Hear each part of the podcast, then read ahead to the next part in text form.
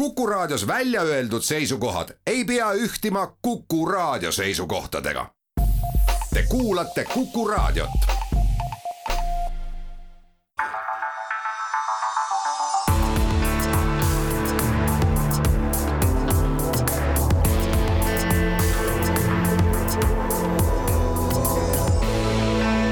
olukorrast ajakirjanduses tere kuulama saadet Olukorrast ajakirjanduses. vanamehed viinavabriku kõrval on kohad sisse võtnud, räägime täna Ukraina sõjast, elektrist, eelarvest.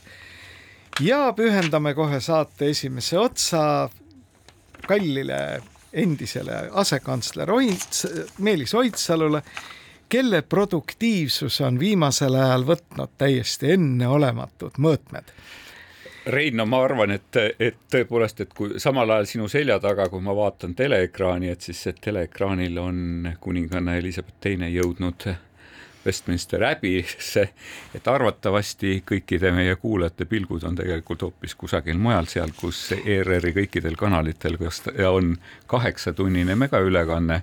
et räägime, räägime.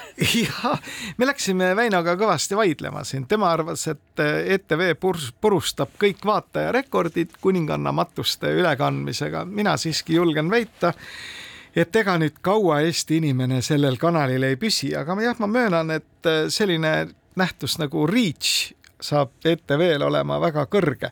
see on siis selline mõõdik, kus mõõdetakse seda, et kui inimene külastab seda kanalit, siis ma arvan, et neid, kes paar minutit seda ülekannet vaatavad, on Eestis tõesti väga palju aga mis siis toimus reedel, laupäeval oli minu jaoks väga muljetavaldav see, ma sain veel ükskord kinnitust oma teooriale, et kõik... süvariik andis sulle vastulöögi. ei, mitte süvariik, vaid, vaid just see, et me oleme sellest korduvalt rääkinud, et Eesti Rahvusringhäälingu nõukogu valimisel käib parlamendis selline tohutu küünarnukkidega nügimine, et mitte öelda selline võitlus või kaklus mõjuvõimu eest Eesti suurimas meediaväljaandes.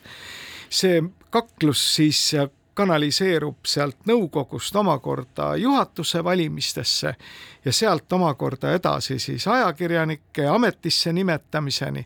see tsirkus on kestnud juba aastakümneid me oleme sellest mitu korda sinuga siinsamas toolis ka rääkinud, et tegelikult ei, ei valita mitte neid inimesi, kes oleksid suutelised tegema kõige parema meediaväljaande vaid valitakse neid, kes moel või teisel tagavad siis rohkem mõju ühele või teisele parteile.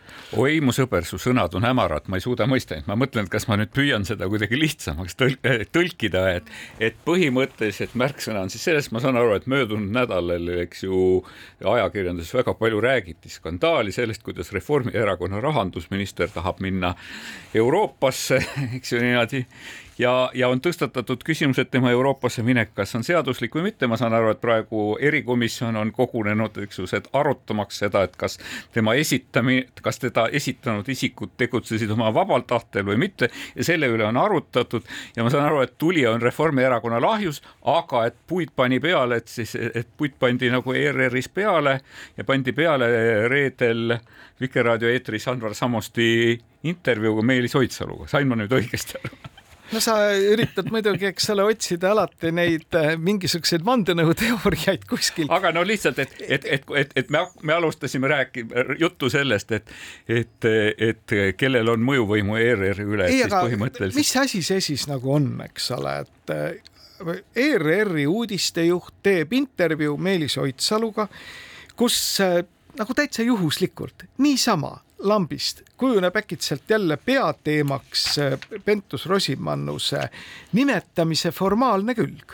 ei no jaa, Rein, aga kui sa mäletad. ja siis oot-oot, aga vaatame, mis siis edasi juhtub, eks ole, ega selles ei ole ka iseenesest mitte midagi halba, tehakse intervjuu, inimene ütleb oma arvamuse ära ja siis enne nalja kirjutatakse see intervjuu maha see pannakse ERR-i portaali, uudisteportaali, arvamuslugu uudisteportaali, juhin tähelepanu, samal hetkel käib Ukraina sõda.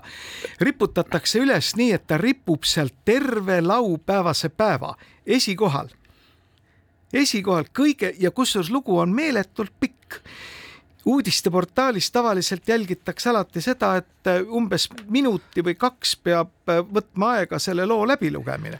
antud loo läbilugemine võttis vähemalt kümme minutit no, aega, sest see intervjuu oli otsast otsani maha kirjutatud. Rein, mul on sulle nagu kahju kaasa tunda, sest mina, ma jälgin nagu väga sageli ERR-i portaali, et seal on nii oma arvamusžanre, seal on pikkade lugude lugusid, seal on ka tegelikult Pealtnägija uurivad lood väga pikalt, eks ju, maha kirjutatud. seal on avaldatud eriala ajakirjade diplomaatia pikki esseesid, sellisel hetkel ei ole keegi karjuma hakanud, aga nõus, Väino, aga nad ei ole kunagi rippunud uudiste küljel tervet päeva. ei no see, see, see oli ERR-i esiküljel väga toredasti järele, arvatavasti see oli ka kõneaineks. mina tahaks selle koha peal ERR-i kaitsta, aga ma tahtsingi ütelda seda, et eelmises saates saates me enam-vähem nagu eh, vist tsiteerisime tegelikult Kaarel Tarandit, kes nagu kes ühtepidi kritiseeris Eesti ajalehti nende juhtkirjade pärast, eks ju, ja ja et ütleme, sääsest tehti elevant ehk pöörati liiga palju tähelepanu me, e, Meelis Oidsalu jutule sellest, kuidas süvariik inimesi nagu paika paneb, eks ju.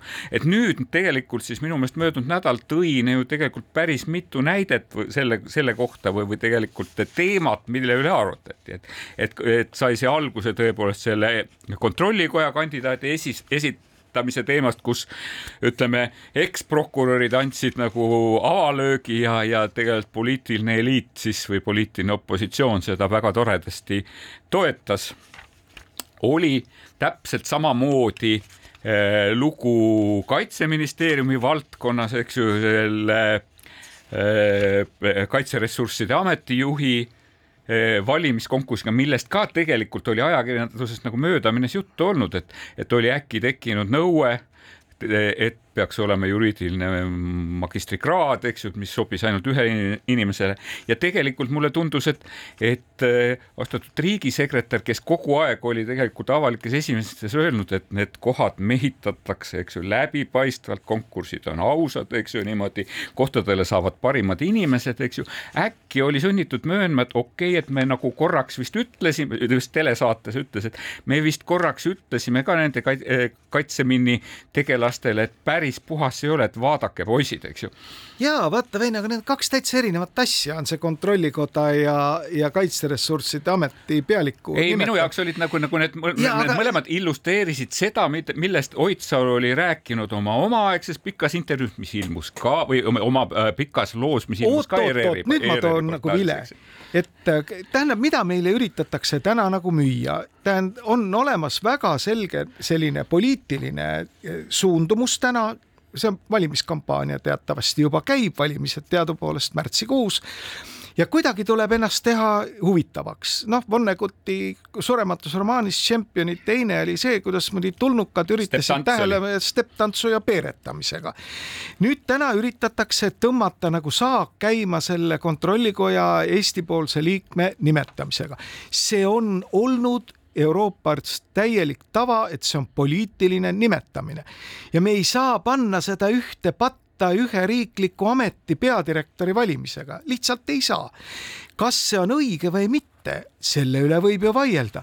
me võime ju ütelda niimoodi, et aga teeme hoopis teistmoodi, et kontrollikoja liikmed ei tule mitte poliitilise nimetamise kaudu, aga tulevadki läbi avalike konkursside, kus võivad osaleda üksnes ainult vande, vannutatud audiitorid, sellise ja sellise äh, haridustasemega inimesed ja nii edasi, selle üle võib lõpmatuseni mõtteid vahetada. aga mulle tundus nagu. aga antud juhul on tehtud tehtud üks poliitiline otsus, täpselt samamoodi võib hakata ja tõmmata sae käima näiteks ühe või teise ministri nimetamisega. ei, seda kindlasti, Rein, aga, aga, aga praegu tahetakse meelega panna nagu avalik teenistus ühte patta selle kontrollikojaga ja see on minu meelest nagu põhimõtteliselt vale ja seda üritatakse meile müüa tegelikult põrsast mingis kotis. aga mulle tundus, et see Oidsalu intervjuust, eks ju, tegelikult see tuligi välja, et Oidsalu intervjuus, kui ma, kui ma sealt nagu ikka hästi laia lumelabidaga, eks ju, tõmbaks nagu kaks asja, siis ta ühtepidi kirjeldas seda, kuidas, eks ju, võim liikus kõigepealt Riigikogu käest, eks ju, liikus ta valitsuse kätte, valitsuse käest kadus see äkki ja haihtus ära ametnikkonna kätte, eks ju, oli üks pool, üks telg ja teine telg oli täpselt selle kontrollikoja ameti nimetamise juures, et kus ta ütles, et koht, mis alguses oli apoliitiline, eks ju, tähendab järgmisel hetkel eeldati sellest ikkagi nagu, nagu professionaalsust on see. millal see koht apoliitiline on olnud? nojah, et eks ju teat, teatava, teata, teata, teatavas mõttes, eks ju, e-, eeldati ikkagi seda, et Kersti Kaljulaid oli oma Isamaa parteis, parteipileti andis tagasi, kui ta sellesse, kui ta sellesse, sellele kohale nagu läks. ei no see, seda juttu kas... võib rääkida vanaema kassile see on nüüd mõeldud ainult lihtsameelsetele, et tegelikult on kõik kontrollikoja liikmed, kelle Eesti valitsus on esitanud Luksemburgi, on kõik olnud poliitilised figuurid, mitte ei, keegi ei ole olnud spetsialist, ütleme parim võimalik audiitor. ei, ei, ei, ei seda küll, no Juhan Parts siiski vist nagu riigi, endise riigikontrolörina, eks ju, tähendab, oli, oli ikkagi võiks öelda, et, et audiitori teatavad omadused olid tal siiski no, olemas. vist ikka ei olnud küll, ta ei ole mingil moel audiitor, ta on juri-, kõrgema juriidilise haridusega, juriidika magister. Ja see, et ta oli kunagi riigikontrolör, see, kas see oli poliitiline nimetamine, riigikontrolör ei ole ju, ei tule mingisuguse avaliku konkursi kaudu, vaid ta on poliitiline amet ja nimetatakse ametisse poliitilise mehhanismi kaudu ja see, et täna üritatakse valimiskampaania kaudu tõmmata nagu selles küsimuses saak käima, see on osa valimiskampaaniast. osa lihtsalt sel, kellegi enese selles osas olen mina sinuga täiesti nõus, et see on osa valimiskampaaniast, sest valimiskampaania või valimised või poliitiline tegevus ongi see, et kui sa näed oma poliitilise vastase laia selga ja sul on pussnuga parajasti käepärast, eks ju, siis ära jäta juhust kasutada. ja, ja nüüd antud juhul kasutati selleks Eesti Rahvusringhäälingut. ei no seda küll, aga mis on mage. ei no selles mõttes ma saan aru, et eks, et see, keda kaigas tabab või keda pussnuga tabab, eks see kõige rohkem vingubki. no see on nüüd väga huvitav ütlus, aga kas siis ongi niimoodi, et see tuleb ära kannatada või et ERR, eks ole, võib endale lubada ükskõik mida, aga siinkohal teeme väikse pausi.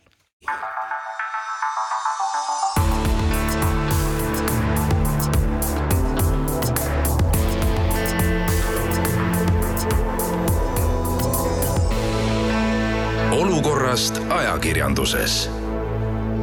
Olukorrast ajakirjanduses vanamehed viinavabriku kõrvalt on võtnud äh, kätte ja jõudnud oma põhiteema ehk ERR-i tümitamise juurde. niisiis, mina olen oma osa teinud, sinu sina, kord. ei, sina oled tüma, sina oled äh, tümitanud võib-olla tõesti, et, et sa esitasid äh, siin alguses pika tiraadi sellest, et, et ERR-i nõukogu on käest ära või et poliitiliselt. ei ole, ma ei ole ütelnud seda, ma ütlesin seda, et ei maksa üldsusel arvata, et ERR-i nõukogu valimine on kantud soovist teha väga head ajakirjandusväljaannet, vaid see on alati selleks, kantud saada... üksnes soovist saada oma parteile rohkem mõju selles organisatsioonis. jah, et selles osas on huvitav, et tuli just uudis, et teisipäeval kultuurikomisjon valis ERR-i nõukogu uueks liikmeks Sulev Valneri kes on olnud tegelikult ERR-i juhatuses vist eh, minu meelest ka mingisugusel perioodil, kes on olnud nagu meediajuht pikka aega. Ja, ja tema astub siis eh, Postimehe peatoimetaja kingadesse astunud Priit Hõbemäe kohale, kui teda Riigikogu täiskogu juhtub ära kinnitama väidetavalt siis ER, need olid ERR-i enda andmed vist väidetavalt kandidaatidena äh,. kandidaatide seas oli ka Merit Kopli, Andres Jõesaar ja Maarja Vaino, et et äh, siin võib siis nagu puhtalt ainult oletada, kes keda esindas siis, et kes millist mõjuvõimu ta siis. no ma ei tea, minu meelest see intervjuu võib-olla, et see intervjuu tegi siis nagu Reformierakonnale tuska, mõni teine intervjuu tegi Isamaale tuska. et Tead, ega... tahaksin, tahaksin siiski kaitsta seda pika intervjuu žanri küll. ei, pikk intervjuu on igati omal kohal, aga kui seda üritatakse nagu maksku, mis maksab, läbi ajada meetoditega, et ta pannakse laupäevasel päeval uudisteportaali number üks suure pildiga, eks ole, et muud nagu ei olegi nagu tähtsat üldse. Rein, oled... siis on, see on suunitlusega, selle on teatav Rein, eesmärk. sa oled kunagi vist ka välisminister olnud äh?? No ja siis? et no tavaliselt oli see, et laupäeva hommikuti juhtusid Välisministeeriumi pressiteated alati teele minema, sest oli teada, et eks ju, et laupäeviti palju uudiseid ei ole, siis see materjal pälvib palju nüüd sa, nüüd sa jälle eksid, kallis sõber tähendab, mida ma olen ka korduvalt ka eetris rääkinud, siis alati oli reedel kell neli tuli Venemaa välisministeeriumist mingi sõnnikuhunnik millele ei olnud võimalik saada vastust, kuna kell viis oli juba, kõik olid töölt ära läinud, teatavasti Moskva ja Tallinna vahel on ajavahe ja siis see oli alati mõeldud selleks, et siinne establishment tõmbaks siis sae käima ja tormaks üksteise kõri kallale. ehk siis valitsus sattus alati tänu sellele väga rumalasse olukorda et alati oli siin nende Vene mingite algatuste peale oli siin keegi, kes siis omakorda seda võimendas, kes nõudis mingit räiget vastulauset või mida iganes ja seda oli hea Moskvast vaadata, eks ole. ega siis niisuguseid asju tehakse, see ongi mõnes mõttes poliittehnoloogia. ei, seda küll, aga Urma, ütlen, Urmas Paeti ajal ma mäletan ikka väga toredasti tulid laupäeva hommikuti nagu positiivsed uudised Välisministeeriumist, võib-olla see ei olnud seda tehakse ajal, absoluutselt kõik poliitikud ongi mõeldud selleks, et nad üritavad oma sõnumit kuidagi läbi saada. ERR peaks olema see tasakaalukas organisatsioon, kes mitte ühte mingit vaatenurka pretsedenditul moel ei võimenda. antud juhul see toimus. nii et mina olen täiesti, ma, ma ütlen ka, et, mina, mina võtan seda intervjuud siiski nagu arvamusžanrina, eks ju, ja, ja, ja sellisena oli see minu meelest täiesti omal kohal ja huvitav kohal. intervjuu, lõpupoole pisut väsitavas, eks ju, aga, aga, aga vähemalt kaks tarkuse tera seal oli. aga nii kurb, kui see ka ei ole, seda ei serveeritud tavalise arvamusena, nii nagu on ka mõistlik, annad kõigile võimaluse, kõik saavad oma arvamuse välja öelda tasakaalustatud vormis. antud juhul läks see ERR-il meelest ära. nüüd, kui raadio näitaks pilti, siis ta näeks, kuidas muidu ma teen teatavaid liigutusi, eks ole. Okei okay,, aga, aga tegelikult ühtepidi me hakkasimegi arutama siis, et mida selle poliitilise nimetamisega peale hakata ja kas edaspidi, eks ju, saavad kontrollikotta ennast äh, kandideerida ainult vannutatud audiitorid või saavad ka kõik teised, eks ju, kui RMK juhtimiseks peaks olema juhtinud välisluureteenistust, eks ju, siis, siis et mis saab selle, et kuidas, milliseid poliitilisi hariduslikke, kogemuslikke omadusi peab evima see kandidaat, kes nüüd Eesti Energia juhi kohale kandideerib. aga äkki peaks olema ERR-i uudistejuhi kohale avalik konkurss, mille näiteks viib läbi riigisekretär kõigi nende konkurss, konkurss sellele kohale siiski on, ma ei tea, kas seda võib läbi riigisekretär või seda peab nii nagu valitakse kõrgemaid riigiametnikke, äkki teeks niisuguse asja ka? Oi, see oleks päris huvitav, me saaksime see, sellisel juhul me saaksime siis kas kinnitust või ümberlükkamist selle kohta, et kusagil on struktuurides kallutatud jõud no jaa, meil on veel ERR-ile siin mõned küsimused, et. kas tõesti Eesti Laul või? sina tahtsid täna kangesti rääkida EFTA galast, mina olin pigem skeptiline, aga kindlasti saad sa selle võimaluse raudselt. mina tahtsin esitada ERR-ile avaliku küsimuse, et mispärast nad Ukraina stuudio aja muutsid pühapäeval kella kaheksateist neljakümne viieks. see oli eetris peale uudistesaadet pühapäeva õhtul, mis minu meelest on nagu üsna hea aeg sellise saate jaoks aga ju ta segas siis äh, kriminaalseriaale või midagi taolist, nii et aeg igal juhul muutus. mul on sellele muidugi retooriline vastus retoorilise küsimuse näol vastus, Rein, et, et tänapäeval järelvaatamise ajastul, et mis ajast sa lased ennast kuidagi nagu kammitseda telekavast? ei, mina, mina muidugi kuulun jär, nende hulka, kellel see järelvaatamise võimalus on, aga nii kurb kui see ka ei ole, siis väga paljudel televaatajatel seda veel ei ole. nii et äh, ja nendega peaks ka ERR arvestama. ja muide, üks huvitav tähelepanek veel. me siin murdsime pead, et miks Aktuaalne kaamera on nüüd eetris nii ETV ühes kui ETV kahes samal ajal, samaaegselt, vähendades siis televaataja valikuvõimalusi.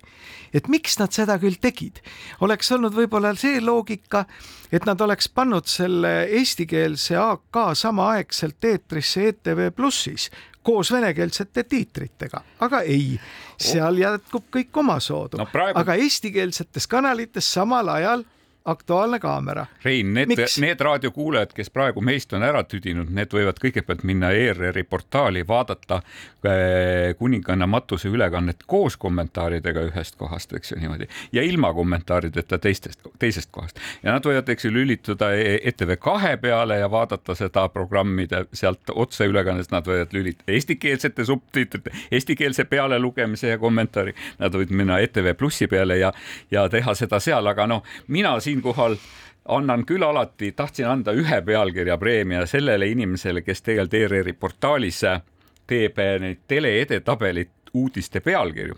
sellepärast, et äh, tema võimaluste nagu koridor üha aheneb, sellepärast et, et äh, kui me alustasime kunagi pealkirjade nagu, et tele-edetabeli esikümnes olid ainult ETV saated, siis pärast mõned kusagil mõned nädalad tagasi kohtasin ma pealkirja, et esi, et tele-edetabeli esiseitsmiku moodustasid ETV saated, siis tuli, et esiviisikus on ainult ETV saated. viimasel nädalal oli pealkiri siis möödunud nädala tele-edetabeli esikolmiku moodustasid ETV saated. sellele järgnesid muidugi Kanal kahe saated, aga, aga ma arvan, et küsimus on selles, et see, seesama number, mida see selles edetabelis mõõdetakse. Aktuaalset kaamerat vaatas sada seitsekümmend kolm tuhat televaatajat, et võib-olla see oli siis lihtsalt paarikümne tuhande võrra suurem, eks ju, tänu sellele, et see saade oli seal kahes kanalis korraga, et, et ehk nagu ka sellele eelneva või järgnevas saates eh, paigutatavate toodete vaadatavus, nähtavus võib-olla ka realiseeritavus kaubandusvõrgus oli selle võrra edukam.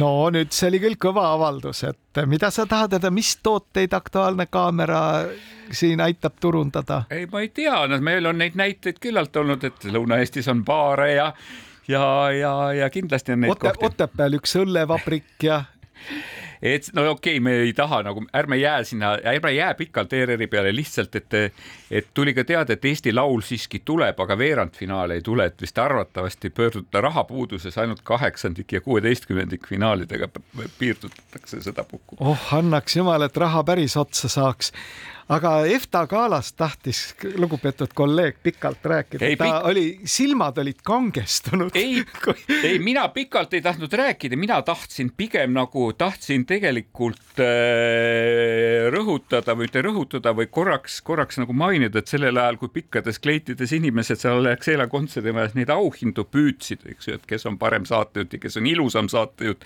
eks ju, et, et, et siis Katrin Lust oma kuurijaga, eks ju, kes, keda me, kelle üle me teinekord nalja heidame, kelle üle teinekord me tähendusrikkalt kipume vaikima, eks ju, tähendab, et sellel ajal püüdis, eks ju, Katrin Lust, eks ju, kinni siis jooksus olnud kurjategija, kes ei olnud taibanud, ei olnud taibanud vanglasse minna, eks ju, ja politsei oli olnud suutmatu teda üles leida, et eks ju, et, et, et, et nagu me siin enne saadet ütlesime, et selle peale, et kellele, kellele palka, kellele malka, et, et ei ole kuulnud, et siseminister läheks valitsusse ja räägiks seda et, et kolmekümne protsendi võrra tuleks ajakirjanike palka tõsta, sellepärast et nad on väga edukad ja teevad rasket tööd. nojah, aga EFTA galast oli sulle ka vist jäi silma see täiesti fenomenaalne tutvustus millega sai hakkama üks kõrge Eesti filmiametnik, ütles, et ei olnudki nagu kellelegi auhinda anda, kuna Covid oli teinud oma töö. Ega ma jah, ma ei tahaks nagu öelda, minu meelest noh, ma kipun ennast kordama, et võib-olla neid preemiaid on natuke liiga palju või võib-olla see nagu see heeder, millega neid sealt roobitsetakse kommerts ja avalik-õiguslikust kanalist, et see on liiga lai, eks ju, tähendab, et et teinekord võib-olla, et kui ei ole sobivaid kandidaate, et eks et võib-olla võiks mõne preemia jätta välja andmata, et, et siin oli nagu väga palju sisse tallatud raja, rada mööda käimist, eks ju. siin oli, siin oli tegelikult küsimärk küsimärke, oli ka eetilisi küsimärke nendele tegelikult äh, Toomas Lepp juba enne seda galat juhtis tähelepanu, ta juhtis ka tähelepanu tõesti sellele, et, et see on puine kivinenud, et, et kuidas, et ehk mõned autorid ütlesid, et see meenutas klassikaliselt seda, seda, kui Eesti Televisioon hakkab tähistama suuri juubeleid ja tegema iseendast saadet, et see oli ka nagu iseenda imetlemise üritus võib-olla natuke jah, no nii, nüüd äh, ma, ma loodan, et sul ei ole rohkem selle gala kohta midagi, midagi öelda. sa lihtsalt pressisid muga, et ma oleksin olnud tähendusrikkalt vait. no nii, mina ei tahtnud sellest üldse rääkida, juhin tähelepanu, aga siinkohal teeme väikese pausi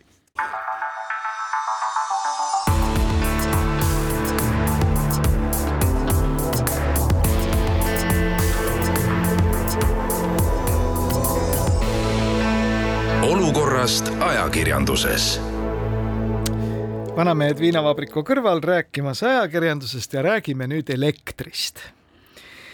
Läinud nädalal saime teada, et Eesti Energia juhatuse lepingut ei pikendata, aga tegemist on väga hea juhatusega, kes on teinud suurepärast tööd.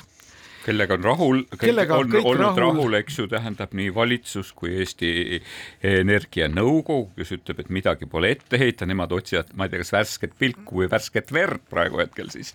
ja nende juhatuse volitused kestavad märtsikuuni. nüüd täpselt sama olukord on siis omaniku esindajaga teatavasti Eesti Energia aktsiate hoidjaks on Rahandusministeerium ja allkirjaõiguslikuks isikuks rahandusminister. rahandusminister, kes siis praegu hetkel ühe jalaga Luksemburgis. huvitav, milline on tema motivatsioon leidmaks siis kõige parem lahendus käimasolevale elektrikriisile.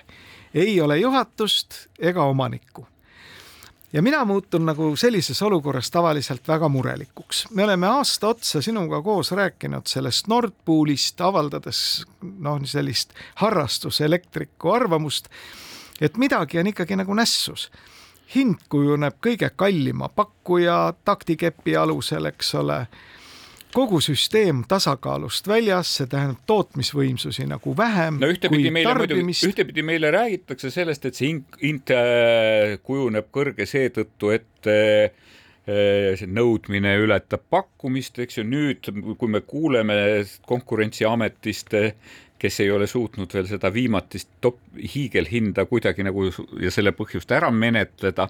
et, et ühtepidi on kuulda, et, et, et nagu tootmisvõimsustest pole puudus olnud, eks ju, tähendab mingisugused eh, ühenduslülid või jaamad pole parajasti selle superhinna ajal äh, rivist väljas olnud, et tekib nagu tõsine küsimus, kust see hind siis tuleb? no vot, nüüd ongi, meie küll saame omalt poolt ainult nagu julgustada ajakirjanikke istuma seal Konkurentsiameti vastuvõturuumis ja küsima iga veerand tunni tagant, et kas te olete nüüd ikkagi selgusele jõudnud. menetluse valmis saanud. kuidas see kõik juhtus? meile on nagu öeldud juba, et tootmisvõimsustes sellel hetkel, kui hind nelja tuhandeni üles prantsatas, eks ole, puudus ei olnud järelikult ei ole mitte millegiga põhjendatud see, et ühe mingi tunni jooksul, eks ole, pakuti nii-öelda lagi täis, kuna võimsusi oli turul piisavalt. kuidas see siis ikkagi juhtuda sai?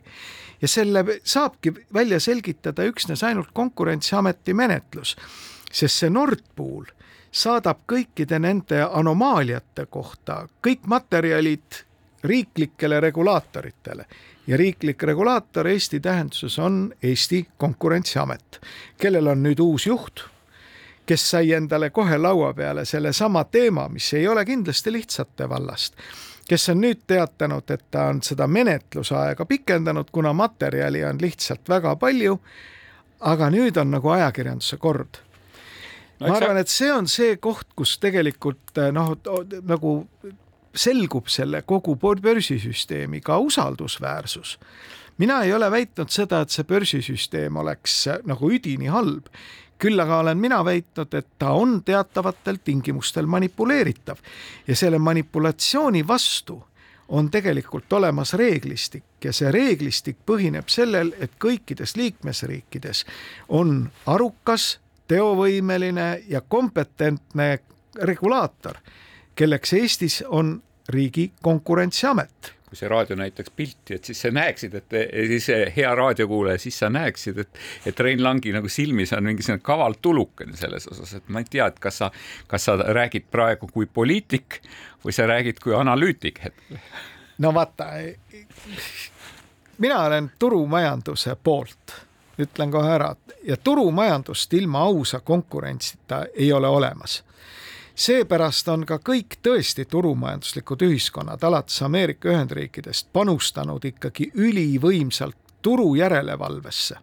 et keegi ei saaks teha mingeid ebaseaduslikke kokkuleppeid, leppida kartelli tüüpi hindu kokku, takistada kellelgi turule tulemist ja nii edasi ja nii edasi ja nii edasi. aga äkki, Rein, aga äkki on põhjus siis selles, et kas meil võib olla ka see, et, et, et teatavaid ametikohti täidetakse meil ikkagi siis nagu poliitilise nimetamise kaudu või poliitiliste kokkulepete kaudu, kas see võib olla nagu põhjuseks või no,? et, et mingites osades ma ei, ma praegu hetkel ei näita sugugi Konkurentsiameti poole, vaid et lähtudes meie eelmisest, meie eelmisest jutuajamisest, eks ju, see on minu, minule alati suur küsimus ja tõepoolest on mulle suur küsimus see kogu selle energiamajanduse juures tõepoolest see, et, et et, et see hoiak, mille valitsus on võtnud, et eks ju tähendab, et hakkame lennuki pealt toe, külvama toetusi selle asemel, et tegelikult seda energia hinda allapoole nagu lihtsalt. no eelarveni ja me kindlasti veel jõuame selle saate käigus ka, aga veel ükskord tulles tagasi selle Konkurentsiameti teema juurde, no me oleme siin stuudios oma saadet teinud juba mitu aastat ja me oleme olnud selle Konkurentsiameti suhtes ikka ülikriitilised põhi, põhiliselt küll äh, hoopis teisest vallast ja see on see autokütuse hind, mis teadupoolest Eestis on äh, nii kõva konkurents, et see hind muutub äh, kümnendik sendi täpsusega sekundi pealt kõikide jaemüüjate posti otsas, noh, samal ajal, eks ole. et see on tingitud suurest konkurentsist, väitis Konkurentsiameti endine peadirektor nüüd Konkurentsiameti peadirektor on samuti ametisse nimetatud avatud ja avaliku konkursi kaudu mitte poliitilise nimetamise kaudu. kas seal on olnud poliitilisi mõjusid, eelmise peadirektori puhul võin kinnitada, natuke ikka oli küll. tänase peadirektori puhul andmed puuduvad see, tänane peadirektor on tõmmanud nii-öelda selles küsimuses tugevama positsiooni, et mitte öelda sae käima, on minu meelest ülimalt positiivne. et see on, et ütled, kas ta on nagu selle vabatahtlikult tõmmanud või me ikkagi räägime sellest, et ühtepidi meil on eelolevate, käesolevate ja eelolevate elektriarvete puhul rahulolematu valijaskond, meil on valijad, valimisaasta, tuleks nagu näidata tegelikult aktiivset tegevust, tuleks näidata, et valitsus hoolib, eks ju, võib-olla on ka üks osa sellest. ja no ütleme, et jõuame siit siis, kui lubasime rääkida elektrist, oleme väga murelikud selle üle, et kas ikka tegelikult kogu selle elektrimajanduse olukorra juures need otsused saavad olla kõige paremad olukorras, kus suurim elektrifirma, energeetikafirma on olukorras, kus nende juhtide lepinguid pole, eks ole, uut juhti valitud pole ja omaniku esindaja ka ühe jalaga kuskil mujal et see paneb minu meelest ajakirjandusele nagu täiendava kohustuse jälgida kogu aeg, et mis, mis protsessid siis toimuvad, eks ole. mis toimub seal Eesti Energias, millised tootmisvõimsused remondis on parajasti, millised kindlasti töötavad, et ega see milline ei ole. see meie ressurss on, eks ju. on. ja kas see on, number, mida meie teeme, on seesama, mida teab peaminister, eks ju, ja mida talle on raporteerinud Eesti Energia või see on midagi muud?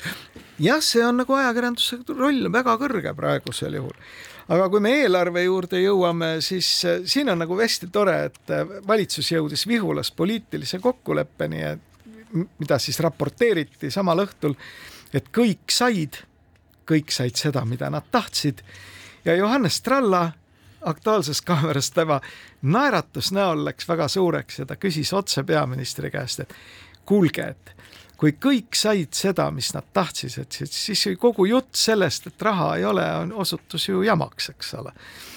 et nüüd me hakkame siis nägema ka tegelikult selle kokkuleppe sisu. aga mis teeb nagu murelikuks, on tõesti see, et kuna valimised on tulemas, siis rasketeks otsusteks nüüd see poliitiline establishment küll valmis ei ole. pigem ollakse valmis andma katteta lubadusi, võtma laenu, maksta siis kinni inimeste arveid, mõtlemata sellele, mis siis äh, edasi hakkab juhtuma. no ja, et ma ei tea, kas selle jaoks, et inimeste arved kinni maksta, võetakse just laenu, sest mulle siiski tundub, et see raha väga erakorraliselt sellesse riigieelarvesse ju laekub ja laekub ka Eesti Vabariigile kuuluva Eesti Energia kaudu ja tegelikult teisipidi ja mulle tundub, et mitte kõik see, vaid ainult osa sellest läheb selle nagu laustoetustena tagasi, et et kuidas see kõik mõjutab nagu üldist majandust, eks ju, kuidas see mõjutab ettevõtjaid, eks ju, minu meelest jah, tõesti praegu on väga keeruline. Teeme siinkohal väikese pausi ja siis räägime sellest üle-euroopalisest uuest äh, võistlusest, kes rohkem toetab.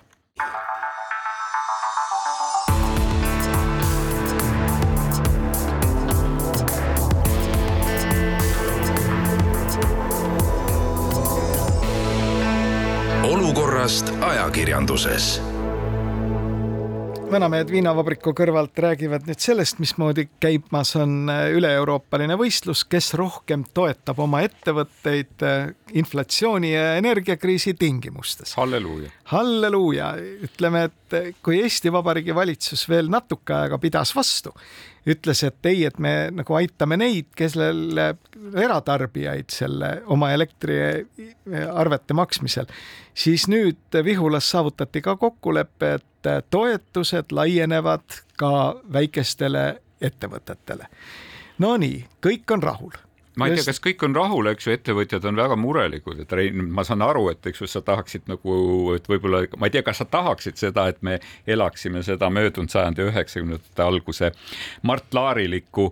Eesti aitab neid, kes iseennast aidata jaksavad, eks ju, perioodi üle või, või, või me peaksime ikkagi midagi ette võtma, sest mulle tundub, et me oleme siin oma kahekümne viie protsendilise inflatsiooniga suhteliselt magedate väljavaadetega praegu hetkel, et, et ja valimisaastale vastu minemas. kui üheksakümnendate populismi suurepärane taimelao. kui üheksakümnendate alguses oleks Eesti Vabariigi valitsus jaganud seda piskut kõigi vahel analoogsete trikkidega nagu praegu, siis oleksime me täna Moldova aga see olukord minu meelest euroopaliselt, üle-euroopaliselt on ikka üsna kehvapoolne, et me oleme ju kokku leppinud, et Euroopa Liidu tasemel, et riigiabi on midagi väga erakorralist ja seda rakendatakse üksnes ainult tõeliste turutõrgete puhul siis nüüd hakkab rohkem ja rohkem minule tunduma, et siin kõik riigid hakkavad rakendama sellist protektsionistlikku suhtumist ja kaitsma oma ettevõtteid teiste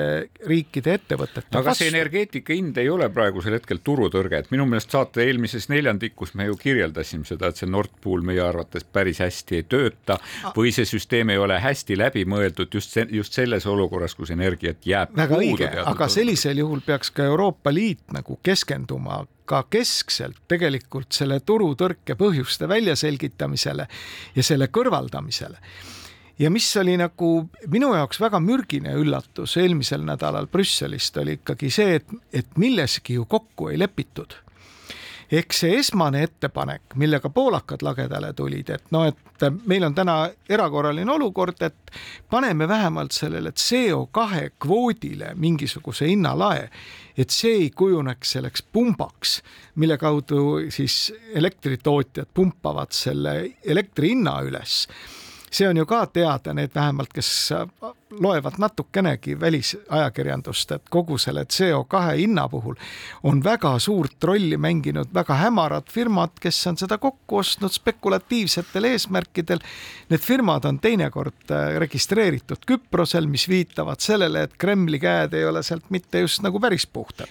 teisipidi on selle äh, kritiseeritud seda argumenti ka sellega, et just praegustes kõrgete energiahindade äh, tingimustes just selle CO2 kvoodi osakaal on oluliselt vähenenud selles energia hinnas. ja aga see on muidugi argument, aga mul oli tore vaadata seda, kuidas Franz Timmermans, kes täiesti põhimõtteliselt vihkab tänasest ametis olevat Poola valitsust, kuidas ta suure naeratusega tuli ja teatas, et CO2 kvoodile me nüüd küll mingisugust hinnalage ei kehtesta et kui palju nüüd tegelikult ka see Euroopa poliitika, sotsid versus konservatiivid või siis äh, sotsid versus Poola valitsus, kui palju see hakkab mõjutama Euroopa Liidu võimet tegelikult vastu seista sellele üsna jubedale olukorrale, mis energiaturul on.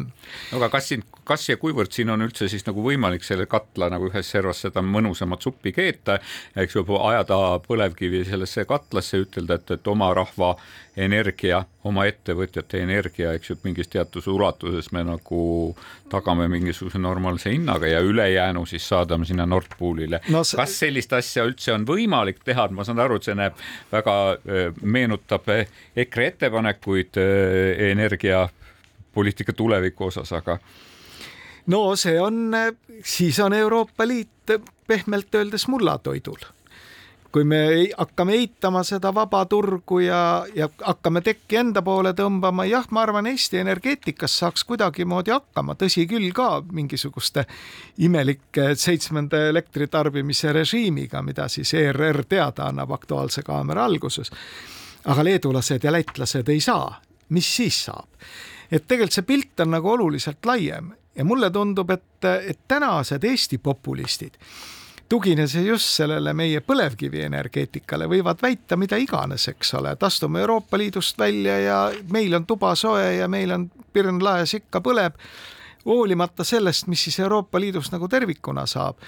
aga ilma Euroopa Liiduta ma hästi ei kujuta ette, kuidas see Eesti nagu ellu jääb, et nii et noh, see saab olema väga keeruline ka sisepoliitikas. no ütleme niimoodi et, et, et kümneprotsendine inflatsioon versus kahekümne viie protsendi inflatsioon, et me ei ole ju kusagil võtnud põhimõtet, et inflatsioon peaks meil olema ühesugune, pension peaks meil olema ühesugune, eks ju, palgad peaksid olema ühesugused kogu Euroopa Liidus ja elektri hind peaks olema ühesugune, et. ega ta ju päris ühesugune no, nagunii ei saa ta olema. päris ei ja... ole, eks ju jah, ta, eks, aga ta nagu sõltub nii paljudest asjadest ja ta on muutunud nii prognoosimatuks, et see tegelikult seab juba nagu kahtluse alla väga mitmete nagu majandusharude tegevuse, sest olgem ausad, et jutt meil ei käi ainult sellest, et tuleb basseinides, eks ju, kas küte välja lülitada või, või, või temperatuuri madalamaks, eks ju, reguleerida. aga, aga mina arvan, et me peaksime olema tegelikult väga mures selle üle, et Euroopa Liit ei suuda astuda mingeid arvestatavaid efektiivseid samme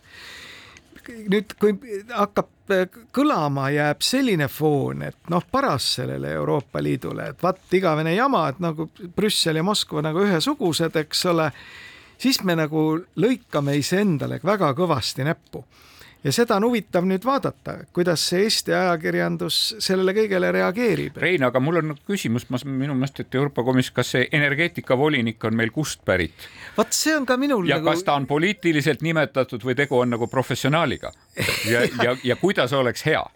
no vot, see võib ka ju esitada küsimuse, et kas kõigepealt tuleb teada saada, mis portfell Eesti komisjonäärile langeb ja siis viia läbi avalik konkurss no see eeldaks siis kogu selle komisjoni moodustamise skeemi kapitaalset muutmist, eks ole.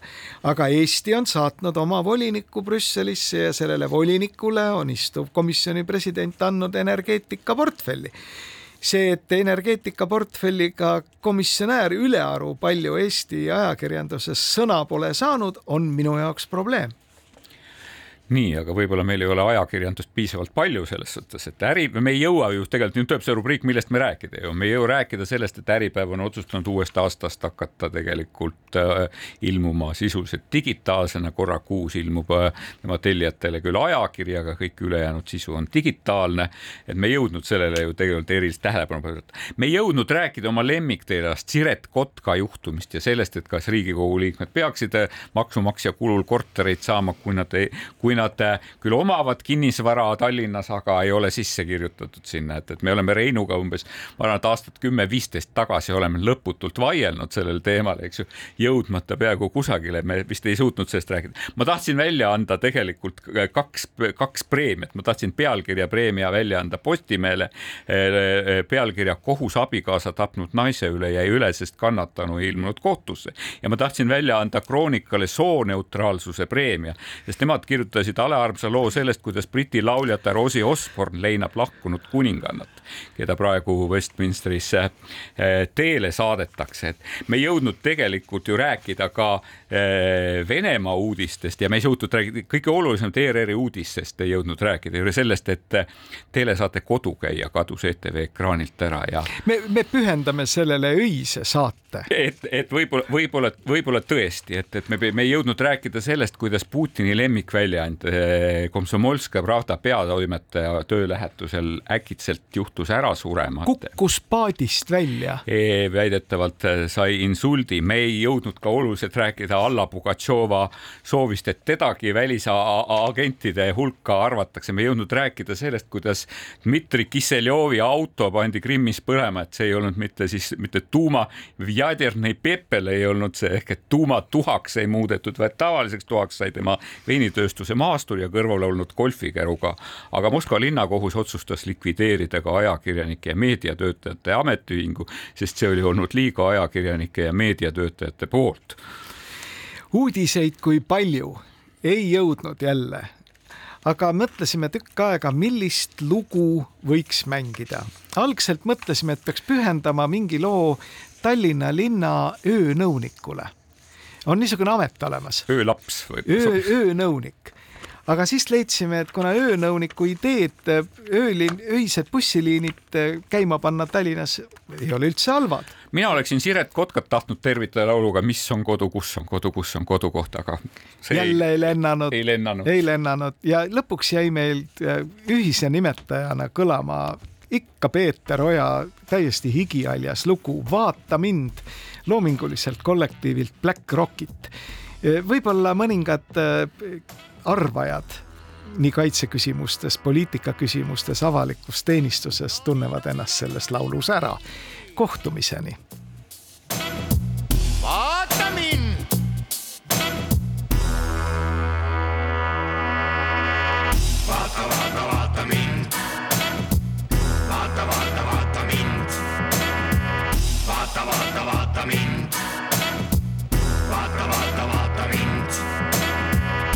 Talvel uisutan, kuid suvel püüan kala mere ääres. kogun marke, joonistan, spordist ikka lugu pean. näiteks möödunud kolmapäev mängisin ma üksikulli, looduses mul meeldib käia, siis saab linnulaulu kuulda, üldse meeldib kõike teha, igasugu vingeid asju. näiteks teisipäeval panin kokku suure teleka. vaata, vaata, vaata mind.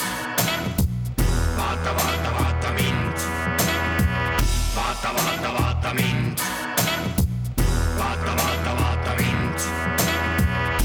juba poisipõlves olin päris hea fantaasiaga, näiteks polnud mul probleemiks teha vannist padi. elus hätta ma ei jää, olen selles päris kindel, kui sa ikka kõike oskad, siis ei ole karta miskit. Läinud reedel tegin peedist pesumasinale trumli, jah, ei ole tõesti asju, millega ei tuleks toime. vaata, vaata, vaata mind.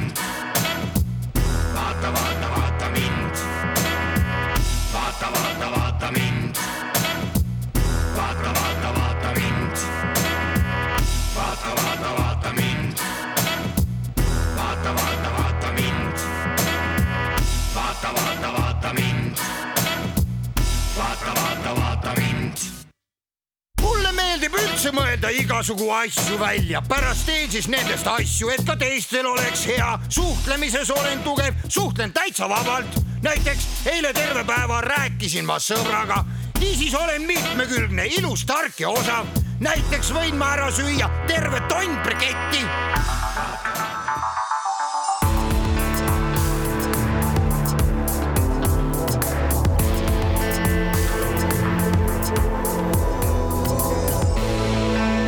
Olukorrast ajakirjanduses